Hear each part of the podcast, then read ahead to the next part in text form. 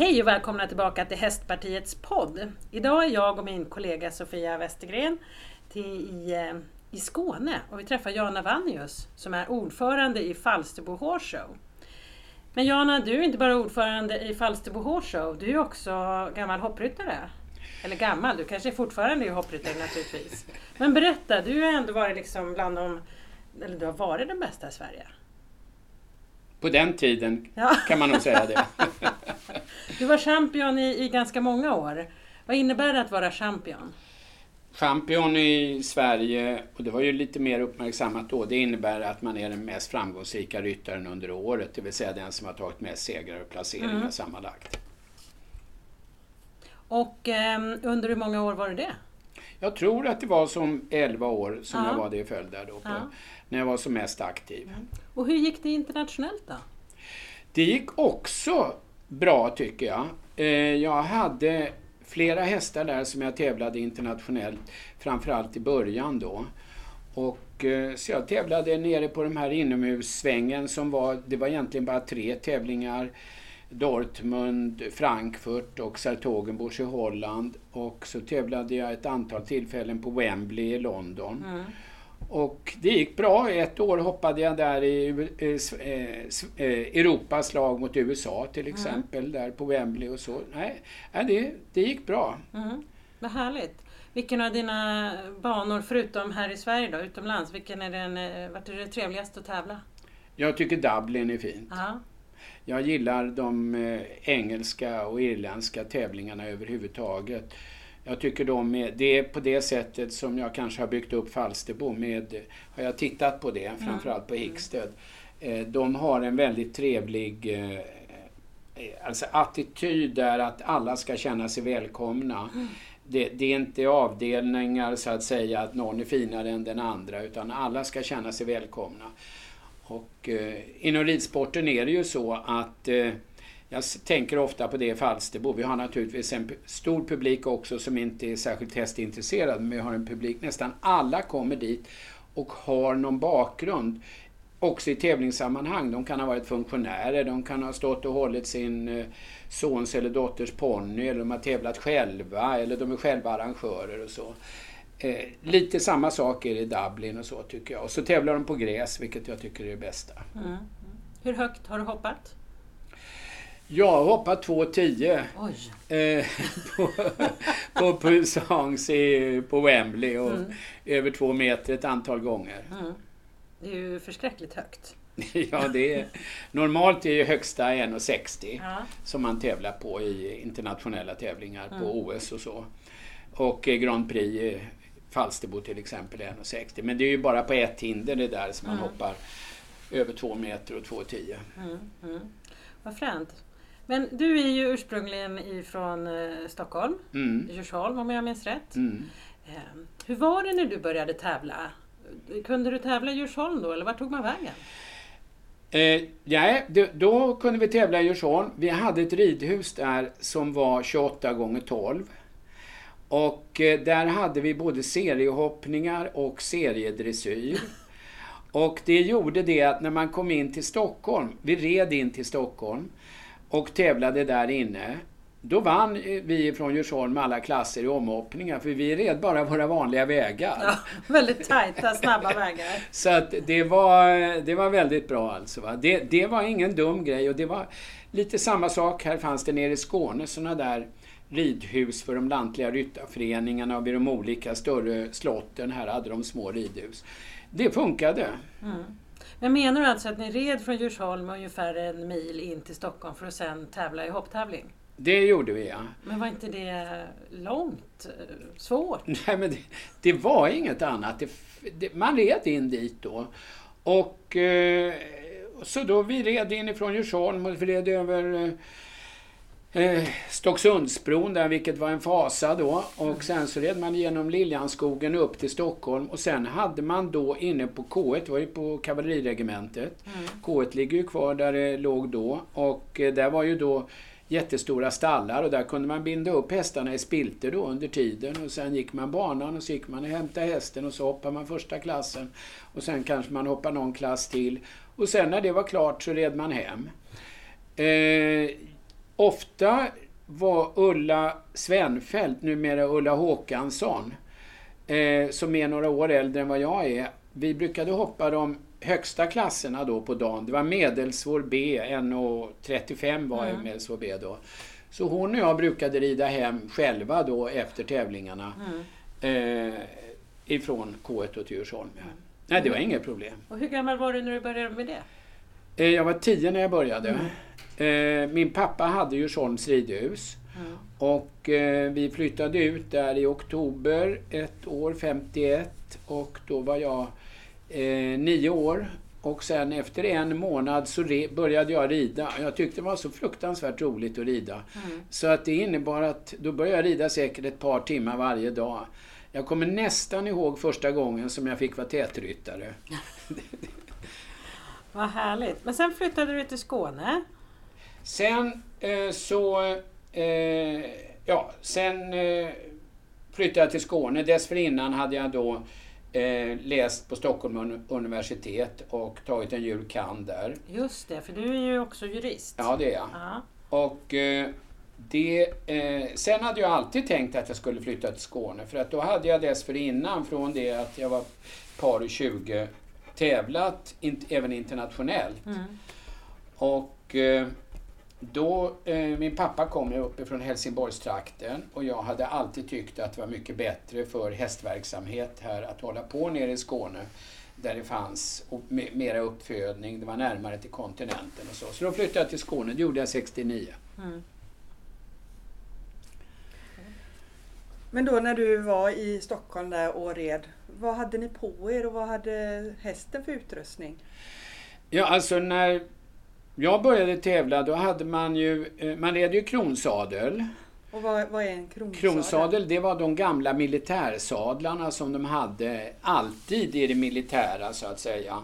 Och eh, de var ju eh, stenhårda, det var ju ungefär som man tänker sig en cowboysadel light med raka kåpor fram till och hela den biten. Och man hade ju vanliga träns och vanlig nosgrimma. Det, var, fanns ingenting annat man funderade över. Inget bling-bling eller så? Ing- Nej, de där pannbanden kommer jag ihåg. Det är sådana som har blivit lite aktuellt igen. De här med ränder på som jag sett att Lisen säljer nu. Och eh, det, det hade man. Och sen hade man ju själv Ja, det var gummistövlar och ballongbrallor och eh, vit skjorta. Plastrong hade man som mm. fälttävlansryttarna ofta har fortfarande. Och någon liten jacka av någon sort och sen hade man sammetsmössa. Hjälm var inte uppfunnet på den tiden alltså. De här kronsadlarna, var det de med bosserna som fortsatte längre bak på ryggen? Eller det, är det något annat? Eh, nej, men det var, det, det var det. De skulle ju kunna hänga sablar och grejer där och även ha då ute på manövrar att de hade såna här tornistrar, alltså med packfickor på för foder och sånt där. Vilket jag upplevde när jag gjorde värnplikten uppe på K4 på jägarregementet där uppe. Det var sista svängen när jag, när jag gjorde eh, lumpen där uppe 61-62. Det var precis sista svängen med hästarna. Då var det fortfarande på kavalleriet uppe i Umeå var det en 300 hästar eller någonting sånt där. Men de kronsadlarna var väl man fick en väldigt bra sits i dem. Man fick sitta väldigt rak och man fick eh, sitta ordentligt. Förhoppning var de kanske inte de absolut de ideala, vill jag säga. Man fick hitta sin egen balans i dem. Så var det ja. Mm. Det var häftigt. Och då var det one size fits all. Det var inte så att alla... Nej. Man behövde inte ha någon sadelutprovare eller liknande. Nej, de var väldigt höga i valvet så när man lärde sig rida var det väldigt lätt att hålla i sadeln när Ja. man började trava. Det var väldigt bra alltså. Var skonsamt för hästarna. Ja, vad fränt. Ja, eh, hur många hästar har du eh, nu? Nu har jag, eh, nu ska vi se här, nu har jag tre hästar. En som jag har som mitt äldsta barnbarn rider och den går här nere i Falsterbo i parken där. Och sen så har jag två till, en sexåring som jag har uppe hos eh, Pedro Peder och Lisen och som Steffi Holmén rider efter Singular väldigt och ett eh, sto som jag köpte när den var tre år. och stoet går med svårhoppning nere med en av bröderna Filip här nere i Belgien. Och sen har jag en eh, femåring efter Cadento och eh, ett fullblodssto som jag ägde. Och eh, så får vi se vad som blir med dem. Ja. Har du någon favorithäst genom tiderna? Absolut. Jag har en, när jag, när jag hade gjort min värnplikt så hade pappa köpt en eh, fullblodshäst ute på Täby galopp. En treåring som heter Chalimar och den tog mig hela vägen upp i eh, internationell hoppning. Mm. Och den, var, den hoppade jag in själv och den eh, var ju fullblod så den var väldigt känslig. Men mm. jätte, jätte, jag älskar den hästen. Jag kan drömma om den ibland fortfarande. och den gick, den vann en stor hoppning på Wembley och den var i... Eh, när jag var 25 så var den trea i finalen i Europamästerskapet i Rotterdam. Alltså inte trea totalt men trea i finalhoppningen, två omgångar 1,60 efter David Broom och Nelson Pessoa. Det var en öppen, öppet EM så Necco kunde rida där, han är ju brasilianare annars. Den var, jag har haft massvis med hästar men den har en väldigt stor plats i mitt hjärta, det stoet. Mm. Vad hände med henne? Eh, hon gick ner till, eh, när jag hade pensionerat henne så gick hon ner till Tyskland och där försökte de på det största Holstein och Hannoveraner stuteriet sen få henne dräktig. De gjorde allt de kunde där nere i Hannover för att försöka få henne dräktig. För de ville ju kunna, hon var ju en sån fantastisk hopphäst och fullblod och det är ju mm. bra att få in det i halvblodsaveln ibland. Och blev tyvärr inte dräktig alltså. Nej, hon knäpp ihop benen där. Mm. Ja. Men hörru du, det här med Falsterbo Hårshow nu då. Mm. Berätta lite om Falsterbo. Eh, alltså jag tävlade i Falsterbo eh, första gången 69 tror jag det var. Och det var första gången de hade derbyt här. Eh, och jag vann det på en häst som hette Mr Goldfinger. Av den anledningen så finns i varje års magasin alla segrare med. Så det upptar nu flera si sidor. Under det Grand Prix ner bara ifrån typ 80-talet. Men, men eh, det var en... Eh, redan då tyckte jag var en väldigt trevlig tävling. Det har alla förutsättningar här nere i Falsterbo. En fantastisk miljö. Det är sand, gammal sjöbotten, så det är ju helt underbart eh, underlag här nere. Det är 15 meter sand rakt ner. Det dränerar själv och det är väldigt bra svikt i allting. Eh, och sen var jag engagerad inne på Jägersro i en ridklubb där från eh, början på 70-talet och sen när jag slutade tävla i, eh, på eh, slutet på början på 80-talet då så blev jag engagerad i tävlingarna här. Och eh, det... Eh, ja, från 85 då var det den killen som var kommunalråd här nere, Göran Holm. Han och jag fick vi tag på en kille som hette Bosse Håkansson som var finanskille här nere. Jädra duktig och driven kille på alla sätt och vis. Han har väl startat en tre, fyra börsbolag. Han eh, omkom väldigt tragiskt i en, en motorcykelolycka för en fyra, fem år sedan. Men eh, vi drog igång det här och eh, såg potentialen i allting. Jag vill säga det att de som har gjort det innan här var ju också väldigt bra. Eh, jag menar, de gjorde tävlingarna för sina förutsättningar och med det som fanns då och gjorde det väldigt bra. När jag kom in i tävlingen så jag hade ju den erfarenheten från alla utlandstävlingar och visste ungefär vilket, vad man kunde göra med unghästar, med eh, bygga upp det och, eh, och det drog vi igång. Och eh, lite som jag sa här innan, jag har ju velat göra det här för att det ska vara en tävling för alla som är intresserade av ridsport eller komma på ett stort evenemang. Så att om jag talar om mina viktigaste VIP, mm. det är publiken. Mm. På de tre, tio grejerna som är viktigast för mig så är de tre första publiken. Mm. Eh, och det är, och det är väldigt, väldigt roligt att göra det här. Vi får ett väldigt gensvar ifrån publiken. Vi försöker utveckla tävlingen varje år, sportsligt.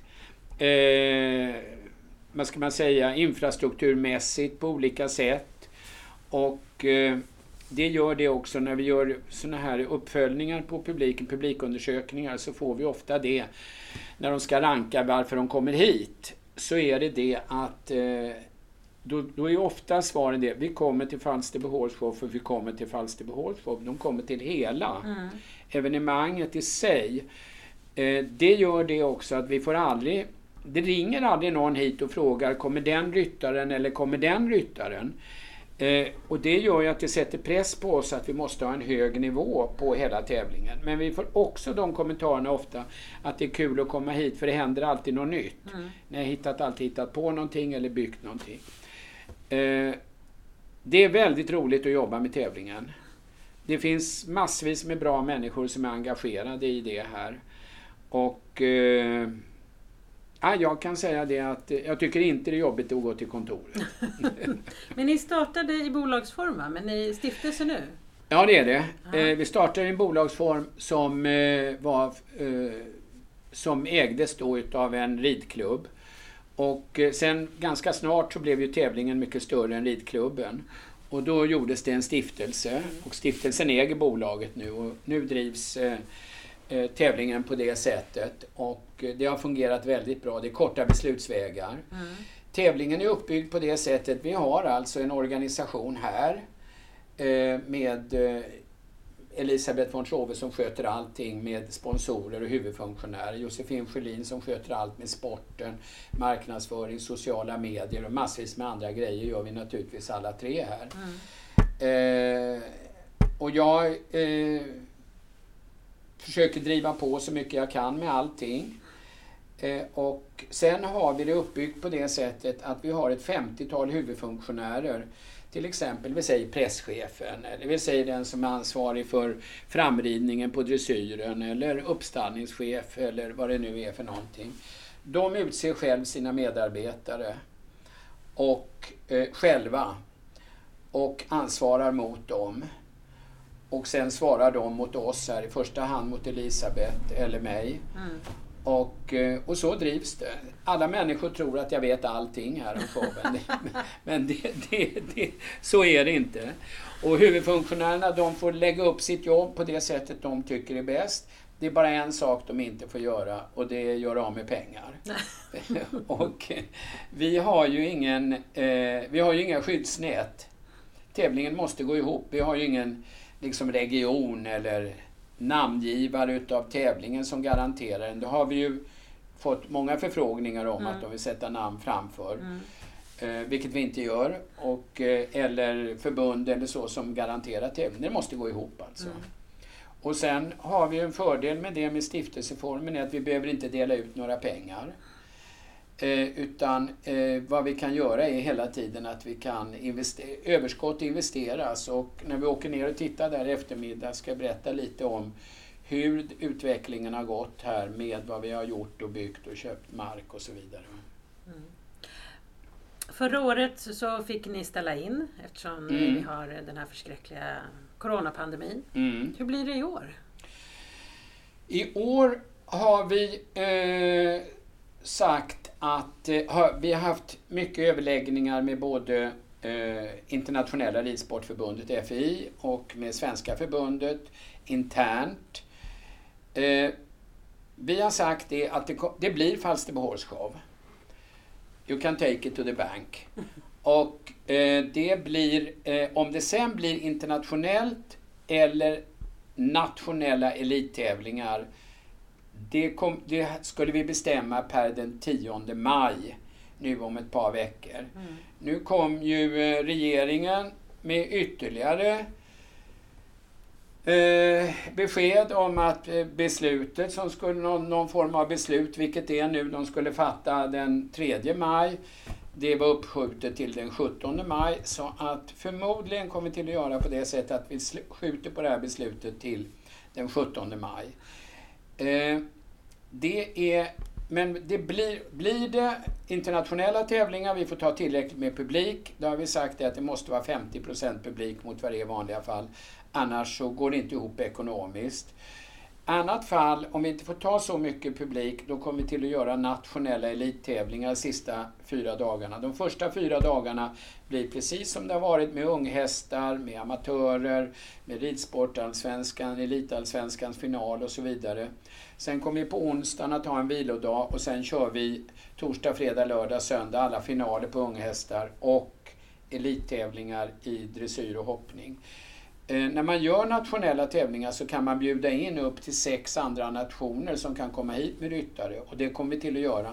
Så det kommer till att bli ett rejält internationellt inslag ändå, om nu inte Folkhälsomyndigheten får något annat för sig. Det verkar ju inte som deras största intresse är sport och evenemang. Men, men vi får, eh, vi får eh, hoppas att det blir någonting. Alltså. Det blir någonting. Ja. Mm. Men man är utomhus? Ja. ja. Så att det är ganska smittsäkert ändå?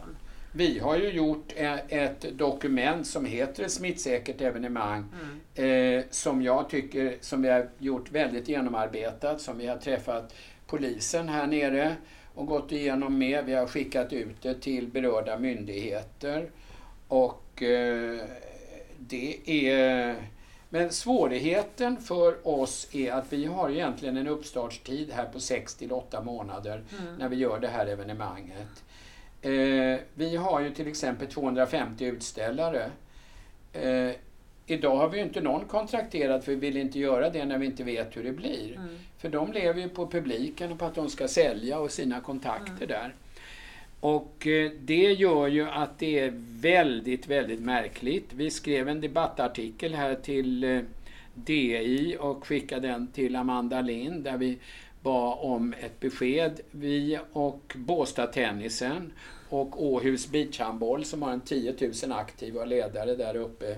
Alla i mitten på juli månad och bad att få någon form av framförhållning och scenario. Att om smittläget är så i mars och vaccinationen är så, vad kan man göra då i juli enligt er uppfattning? Göra någon form av plan i alla fall. Mm. Men det får man ju inte. Mm. Och eh, eh, jag förstår att de har sina hänsyn till att ta till allting. Men det är väldigt svårt att förstå till exempel man sitter på planet mellan Stockholm och Visby och det är fullspikat och sen får de ta in åtta åskådare på Friends Arena där det är 50 000 platser. Det är, jag tror att fler och fler människor i vårt land har svårt att hänga med i det här. Hur de här besluten och på vilka grunder det fattas. Mm. Sen läste jag också det i ridsport att det var någon ifrån Folkhälsomyndigheten, en tjej som var enhetschef där. Eh, det här tävlingsstoppet som vi har för ungdomar till exempel. Eh, att man, eh, man kan inte skilja på olika sporter ur smittosynpunkt. Det går inte. Det var det meddelandet som de tyckte där från Folkhälsomyndigheten. Och då säger jag det att kan man inte skilja på till exempel en brottningsmatch ur smittosynpunkt eller en som sitter och rider lätt dressyr i ett ridhus själv 60 gånger 20 med en domare. Då har man bara inte velat sätta sig in i det. Nej. Och det tycker jag är väldigt, väldigt tråkigt för att det här har andra effekter för ungdomar som jag ser på nära håll även ur folkhälsosynpunkt. Och det ska man inte underskatta det hur folk kommer ifrån sport och idrott med mera som sker nu när folk tappar sugen. Så att jag finner det väldigt egendomligt och jag vill väl också säga det att jag finner det väldigt egendomligt att andra politiska partier som har synpunkter på det här, att man inte tar upp den här, den här typen av frågor och driver det. Här är det ju alltså tusentals, tiotusentals ungdomar som helt kommer ifrån sport överhuvudtaget. De kan inte träna på tillräckligt bra sätt, de kan inte tävla. För att de säger att det här ur smittosynpunkt är jättefarligt. De, de, Folkhälsomyndigheten vill inte ta något eh, och eh, kunna separera och sätta sig in i, andra, i olika sporter. Så himla svårt kan det väl inte vara? Men just den här frågan är ju väldigt intressant. Så intressant så att jag och Alexandra vi tillkallade ju oss Amanda Lind och hade en debatt med henne om just ridsportens möjligheter att eh, köra smittsäkert eftersom vi är vana att ha en sparklängds avstånd emellan ekipagen. Ja, eh, jag, är, jag, jag tycker att intresset för sport och idrott ifrån eh, eh, departementet tycker jag känns väldigt litet. Och eh, att vilja sätta sig in i de här sakerna. Man döljer sig bakom hela tiden Folkhälsomyndigheten och bara går på vad de säger. Jag, jag tycker att jag har den största respekt för allting med vad coronan har ställt till med. Men man måste balansera det här något mot andra verksamheter och annat som händer. Jag såg ju nyligen en utredning om vad så mycket ungdomar mår dåligt idag. Och vi vet vad sport och idrott och samvaro be betyder. Och de som drabbar mest är ju de som har det, ofta har det svårast. Eh, som, eh, som mår illa utav det här. Och någonting där som Amanda Lind eh, förde fram, det var ju att ridsporten, vi har ju ett stort djur att ta hänsyn till. Mm. Ett djur som måste tränas för att må bra. Mm. Det som vi också ja. är inne på i, i, andra ämnen som är oerhört viktigt. Som är, så ridsporten är ju väldigt unik just med att vi har långt avstånd mm. och vi har ett djurskydd att ta mm. hänsyn till. Så men hur kommer det sig tror ni att det inte går fram? Jag tänker om man är orienterare så är man ju oftast själv ute i skogen också. Det får mm. man ju inte heller tävla i. Vad är det som gör att det inte eh, man gör någon särskiljning? Jo men det, det är politikerna som inte är tillräckligt tuffa. Mm. Jag menar här är det ju, eh, ja, jag är hur frågande som helst. Oppositionen tycker då att eh, de här eh, eh, regeringen inte har skött coronapolitiken. Men man sätter sig, andra politiker sätter sig heller inte in i det här. Utan man bara, eh, man bara, det enda man gör, tycker jag, jag kanske är orättvis och det kanske eh, man gör någonting, men, men man säger hela tiden alltså, ja det är så många med, med det här med IVA, hur många som är inne på det och så vidare då. Men det pågår ett liv här utanför också. Och vi har ju heller inte haft något eh, smittärende i eh, ridsporten. Mm, nej.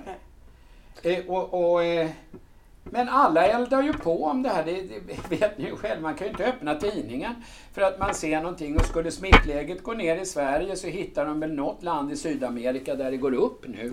Så att det ska ju hela tiden vara det här katastrof alltså. Och det kanske det är, jag vet inte. Men att man inte ska kunna ordna låta ungdomar få fortsätta att sporta och tävla och så vidare då va. I de här sporterna, om vi säger orientering, vi säger ridsport, vi säger golf till exempel. Va? Jag menar, det är ju ofattbart alltså att inte några andra politiker säg, ställer de här mot väggen och undrar vad är det frågan om här? Ska vi ta de nackdelarna som är, eh, som blir med de här tävlingsstoppen? Hur du, det här med att eh, driva Falsterbo Horse Vad är det absolut svåraste? Det är ingenting som är svårt. Gud vad härligt! det roligaste då? Ja men det, är, det allra roligaste är, tycker jag, när man har haft hela den här förberedelsen som är. Efter föregående års tävlingar så har vi uppföljningsmöte med alla de här 50 huvudfunktionärerna. Vi träffar alla våra partners och sponsorer. Vi träffar ett antal människor man har olika möten och förbereder och man gör alla de här sakerna. Sen kommer vi fram då till uppbyggnaden. Uppbyggnaden börjar ju då, ska man säga fysiskt någon månad innan här. Det ska byggas upp 300 tält, det ska göras det, det ska göras det, det ska byggas 700 hästboxar och sådär. Och sen kommer vi då till, som jag sagt, organisationen med de här huvudfunktionärerna som sköter sina grejer själva. Sen kommer vi fram till första dagens tävlingar, det är amatörernas hoppning inne på dressyrarenan. Den börjar på lördag morgon klockan nio. Då brukar jag alltid gå dit, sätta mig på läktaren och sen en kvart innan.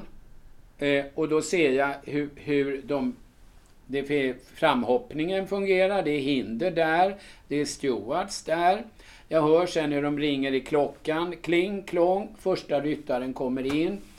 Tidtagningen startar. Hela maskineriet kommer igång. Tack vare alla de här som är så engagerade med de här huvudfunktionärerna. Som är så att säga hela bodyn i vår organisation. Och jag kan säga det också de som är oroliga för Sveriges framtid behöver inte vara det. För att jag ser de här 50 människorna som är alla åldrar nerifrån 17-18 år och uppåt som tar ansvar för sina grejer och som genomför och ser till att hela evenemanget kommer igång och rullar. Och det är ju inte litet alltså. Eh, så att eh, för Sveriges framtid är jag lugn och för Falsterbo Horsushows framtid är jag också lugn. Gud vad härligt. Ungefär hur många besökare har ni ett vanligt år? Vi har drygt 60 000. Mm. 62-63 000 har vi under de här nio dagarna. Och eh, det är ju... Våra stora dagar är... Vi har, vi har ju då eh, första lördag, söndag, måndag, tisdag har vi mycket med unghästar, av olika sorter i både hoppning och dressyr. Vi har ridsport, allsvenska, vi har amatörer och, och, så vidare. Och på onsdagen har vi en familjedag som är mycket stor, har vuxit enormt. Där vi har ponnys och vi har Falsterbo Hunting som ju är en form av terrängridning som är jättepopulär. Och sen har vi då de stora dagarna sen, fredag, lördag, söndag med Nations Cup. Eh, vi har derbyt på lördagen och vi har Grand Prix på söndagen. Och det är ungefär samma eh, för både hoppning och dressyren där. Men det här måste ju vara ganska mm, viktigt för hela bygden. Jag tänker med ja. arbetstillfällen, med hotell, mat. Eh, jobbar ni bra kring det? Eller? Ja, mycket bra. Vi, eh, vi har ju ett eh, kommunalråd här, Karina Wutzler, som är eh, jag tycker väldigt bra för hela kommunen. Jag tycker kommunen, vi har alltid haft bra kommunalråd här. Eh, tycker jag under den mm. tiden jag har varit här. Eh, vi har en... Kommunen är... Jag gillar kommunen, hur de driver grejer här. Det är inte det att de eh, skulle börja ösa pengar över oss alltså, utan här är det den privata verksamheten mm. som ska klara sig. Eh, intresset här nerifrån är naturligtvis väldigt stort och eh, ett antal per hus här hyrs ju ut under Falsterbo De får väldigt bra betalt och kan åka på semester om de inte är intresserade. Eh, reg, eh, re, vad heter det, Event in Skåne gjorde en sån här eh, vad heter det, turistekonomisk utredning då för en, kanske fem år sedan.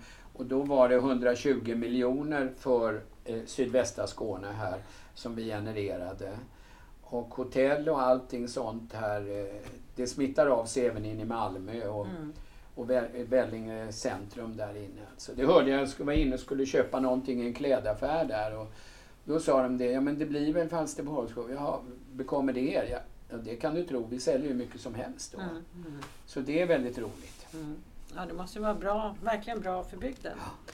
Du har ju då varit en väldigt framgångsrik hoppryttare och håller nu på med hopptävlingar, eller tävlingar generellt. Om du skulle ge något tips till en ung ryttare som skulle liksom börja med tävling, vad skulle du ge den personen? Alltså börja tävla? Börja tävla? Mm. Eh, ja, jag skulle vilja säga lär dig grunderna mm. i ridningen. Lär dig grunderna. Det är precis Eh, och så att man tränar in det. Jag vet ju då genom min pappa fick jag lära mig hur man sitter i sadeln. Mm. Hur man håller, hur man sitter, hur man håller skänklarna, hur man håller händerna. Lär man sig rätt från början, då är det ju hur lätt som helst. Då finns det ingenting annat. Mm. Eh, jag vet att Kyra Kyrklund och jag, vi hade ett projekt när vi skrev instruktionsböcker i dressyr och jag i hoppning, sen Janne Jönsson i fälttävlan också.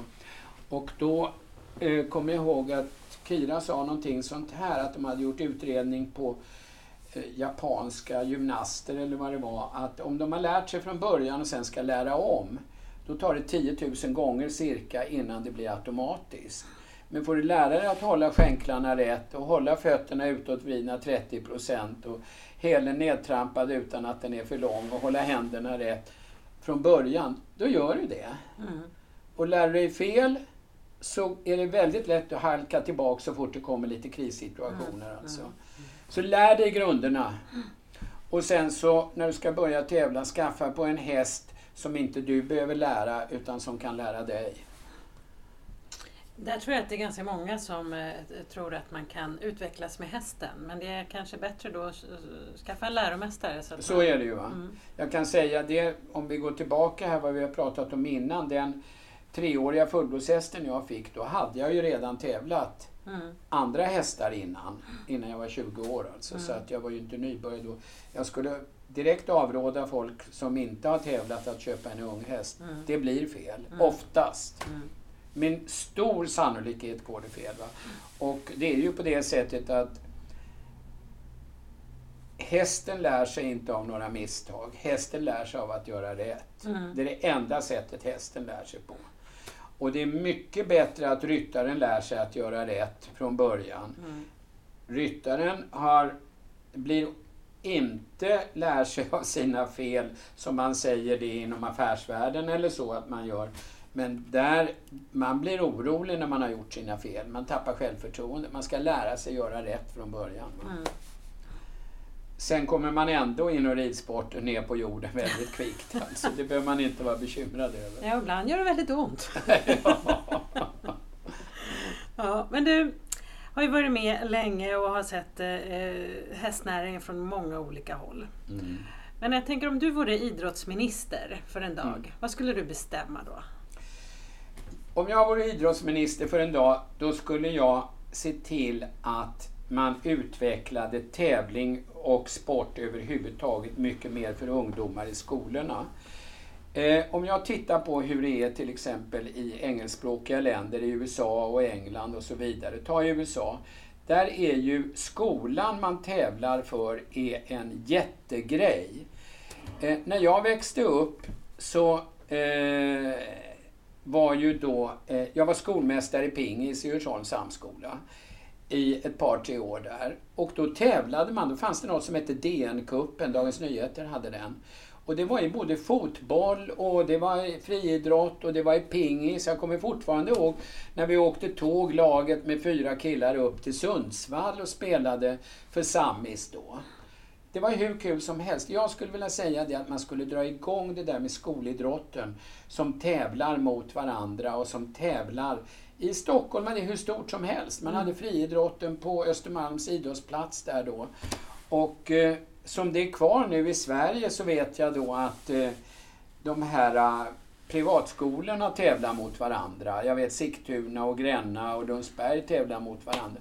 Jag tror att det är jättebra. Sammanhållning i plugget, mm. eh, alla får ett sportintresse och så. Det skulle jag göra om jag var idrottsminister. Skulle jag dra igång det över hela landet. Det låter ju fantastiskt. Ja, då säger vi Vannius för idrottsminister helt enkelt. ja, det finns massor att prata om och vi ska också behöva prata lite om konsumentköplagen men det blir faktiskt i nästa program.